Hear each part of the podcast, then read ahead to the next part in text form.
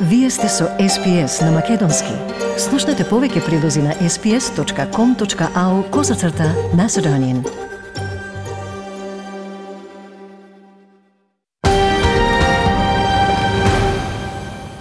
Премиерот Димитар Ковачевски вчера ја почна дводневната работна посета на НАТО во Брисел со средба со генералниот секретар Јенс Столтенберг. Фактот што доаѓате толку бргу по вашето именување за премиер ја покажува вашата лична посветеност на нашата алијанса, му рече Столтенберг на Ковачевски и ја истакна важноста од членството на Македонија во најголемата воено-политичка алијанса. Вие докажавте дека сте навистина битен сојузник. Стабилноста на Западен Балкан е од голема важност за НАТО, Ова ги вклучува и вашите придоноси кон клучните мировни мисии на НАТО во Косово. Алијансата ја гарантира вашата безбедност. Сега сте дел од политиката за воздухопловен систем на НАТО како и за сочувувањето на безбедноста на вашите неба, а тоа е прикажување на солидарноста на НАТО. На пресконференцијата Столтенберг кажа дека Соковачевски зборувале и за актуелните случувања околу Украина. Македонскиот премиер истакна дека со исполнувањето на својата стратешка цел да стане членка на НАТО, Македонија во рекордно време ја остварила воената интеграција во алијансата и продолжува со модернизација на армијата. Како сојузник на НАТО, ние се приклучуваме кон апелите до, Рус, до Русија да деескалира и да, да продолжи дипломатскиот диалог. Го поддржуваме предлогот на НАТО за тематски состаноци со Русија во врска со состојбата на односите европската безбедност со фокус на Украина и транспарентноста, намалување на ризикот и контрола на оружјето. Целосно го поддржуваме суверенитетот на Украина и неизиниот територијален интегритет во меѓународно признаените граници. Ковачевски вчера попладне требаше да се сретне со председателот на Европскиот совет Шарл Мишел, но средбата е одложена најверојатно за денеска јавува Мија. Денеска Ковачевски има состанок и со председателката на Европската комисија Урсула фон дер Лајен. Министерот за надворешни работи Бујар Османи и заменик председателот на владата за европски прашања Бојан Маричиќ вчера во Париз остварија средба со Клеман Бон, државен секретар за европски прашања во Министерството за Европа и надворешни работи на Франција. По средбата доматинот Бон рече дека Франција како председавач со ЕУ ќе биде на располагање целосно да го поддржи или да го олесни процесот. Се надевам дека во наредните недели, во наредните месеци, ќе можеме да ја надминеме оваа етапа за отворање на дискусиите за преговарачката рамка, што беше предложена пред неколку месеци, бидејќи е многу важно за стабилноста и просперитетот на регионот на Западниот Балкан и за Европската Унија. Ние сме посветени, оптимисти и предпазливи, бидејќи дискусиите се уште траат. Верувам дека постои добра волја во дискусиите меѓу Софија и Скопје, но и во Европската Унија, изјави Бон посредбата со македонските владини представници. Вчера председателот на ВМРО ДПМН е Христијан Мицкоски се сретна со амбасадорот на Русија во Македонија Сергеј Базнекин. Во партиското соопштение се вели дека Мицкоски му рекол на Базникин дека Македонија се соочува со сериозна препрека од страна на Бугарија на патот кон ЕУ, но и со отсутство на реформи што треба да ги спроведе актуелната влада. Состојбата со корупцијата и селективната правда ја вбројува државата меѓу најкорумпираните во Европа и е на дното на скалата на Transparency International се потенцира во соопштението. На средбата станало збор и за меѓународните проблеми во регионален и поширок контекст, при што Мицкоски нагласил дека се залага за почитување на територијалниот интегритет на сите независни држави и за дипломатско надминување на сите различни ставови во поглед на актуелните прашања, се вели во сообштението на ВМРО ДПМНЕ.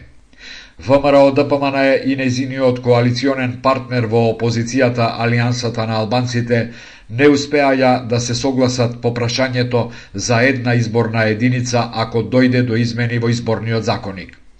Така и заврши вчерашната средба на представниците на двете партии, која траеше кратко и на која само беше договорено дека се необходни измени во изборниот законик, иако секоја од партиите поаѓа од своите собствени цели. Дафина Стојановска, пратеничка од ВМРО ДПМН изјави. Знаеме сите дека за, за ова ни треба консензус, но доколку не седнеме и не разговараме, доколку не направиме една јавна расправа каде што би ги чуле и експертите, а не само ние како представници на политичките партии, тогаш апсолутно нема да знаеме на каде на каде водиме, а нели велиме ние како ВМРО ДПМН инсистираме на што побрзи предвремени парламентарни избори, значи ова е тема која што е, е подготовка за избори кога и да се случат, да не биде како што многу пати на назад се случувало. Алијансата на албанците пак соопштува дека треба да се отвори дебата околу измените, но дека не отстапува од својот став за 8 изборни единици. Сурија Рушити изјави. Ние би сакале да имаме собрание каде ќе имаме едно присуство на пратеници од сите региони. А тоа го гарантира овој модел на 8 изборни единици. И се разбира, сакаме собрание со, со еден поголем, повисок квалитет на присуство на пратеници што го гарантират отворените листи. Изминатите денови ВМРО ДПМН оствари средби и со помалите партии во собранието, на кои разговараше за измени на изборниот законник. Измените се во собраниска процедура, но веќе неколку месеци се чека да почне расправата во Комисијата за политички систем. Македонија и Бугарија денеска заеднички ќе ја слават 150 годишнината од раѓањето на Гоце Делчев, но уште вчера се појавија недоразбирања меѓу Скопје и Софија. Бугарските медиуми објавија дека Скопје го откажало чествувањето со образложение дека премиерот Ковачевски и шефот на дипломатијата Османи се во Брисел и немало информации кој ќе се врати порано. Македонската влада пак демантира дека тоа не е точно и дека дополнително ќе биде испратена целосна информација со сите активности. Денеска бугарската делегација во Македонија ќе ја предводи министерката за надворешни работи Теодора Генчовска, а бугарскиот премиер Кирил Петков и веде македонскиот амбасадор во Бугарија Владимир Крстевски ќе се поклонат пред споменикот на Делчев во Борисовата градина во Софија. ВМРО ДПМН ќе предложи во собранието декларација за Гоце Делчев. Лидерот Христијан Мицкоски најави дека денеска пратеничката група ќе поднесе декларација што ќе ги исцрта позициите по прашањето за Гоце Делчев во Македонското собрание по повод 150 годишнината од неговото раѓање.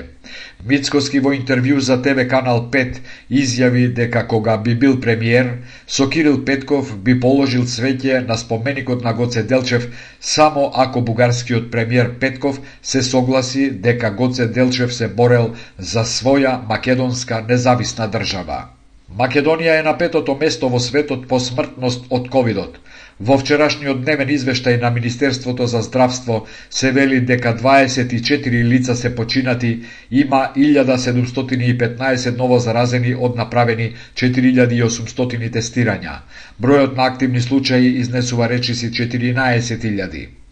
Од оваа причина, министерот за здравство Беким Сали ги повика дури и верските поглавари да ги убедат граѓаните да се вакцинираат.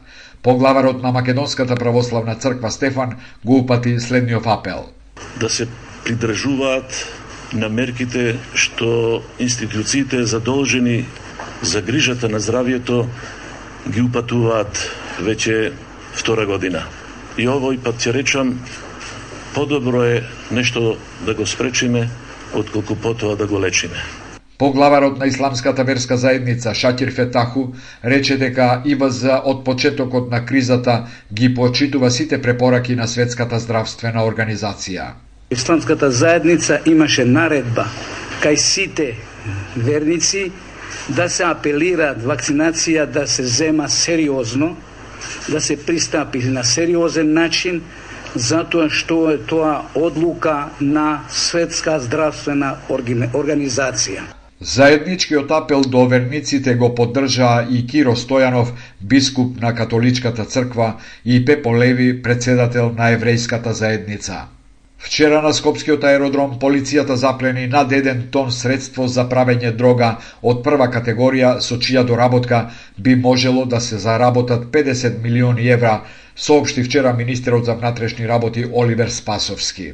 Првичната проценка е дека од набавената количина на прекурзорот требало да биде произведен амфетамин со вредност од над 50 милиони евра.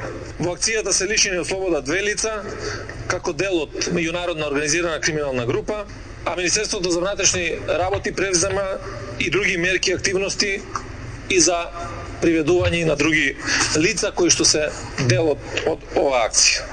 Акцијата била изведена во координација со јавното обвинителство за гонење организиран криминал и корупција, со јавното обвинителство на Турција, со царинските служби на Турција и на Македонија, како и со Центарот за спроведување на законите во југоисточна Европа СЕЛЕК.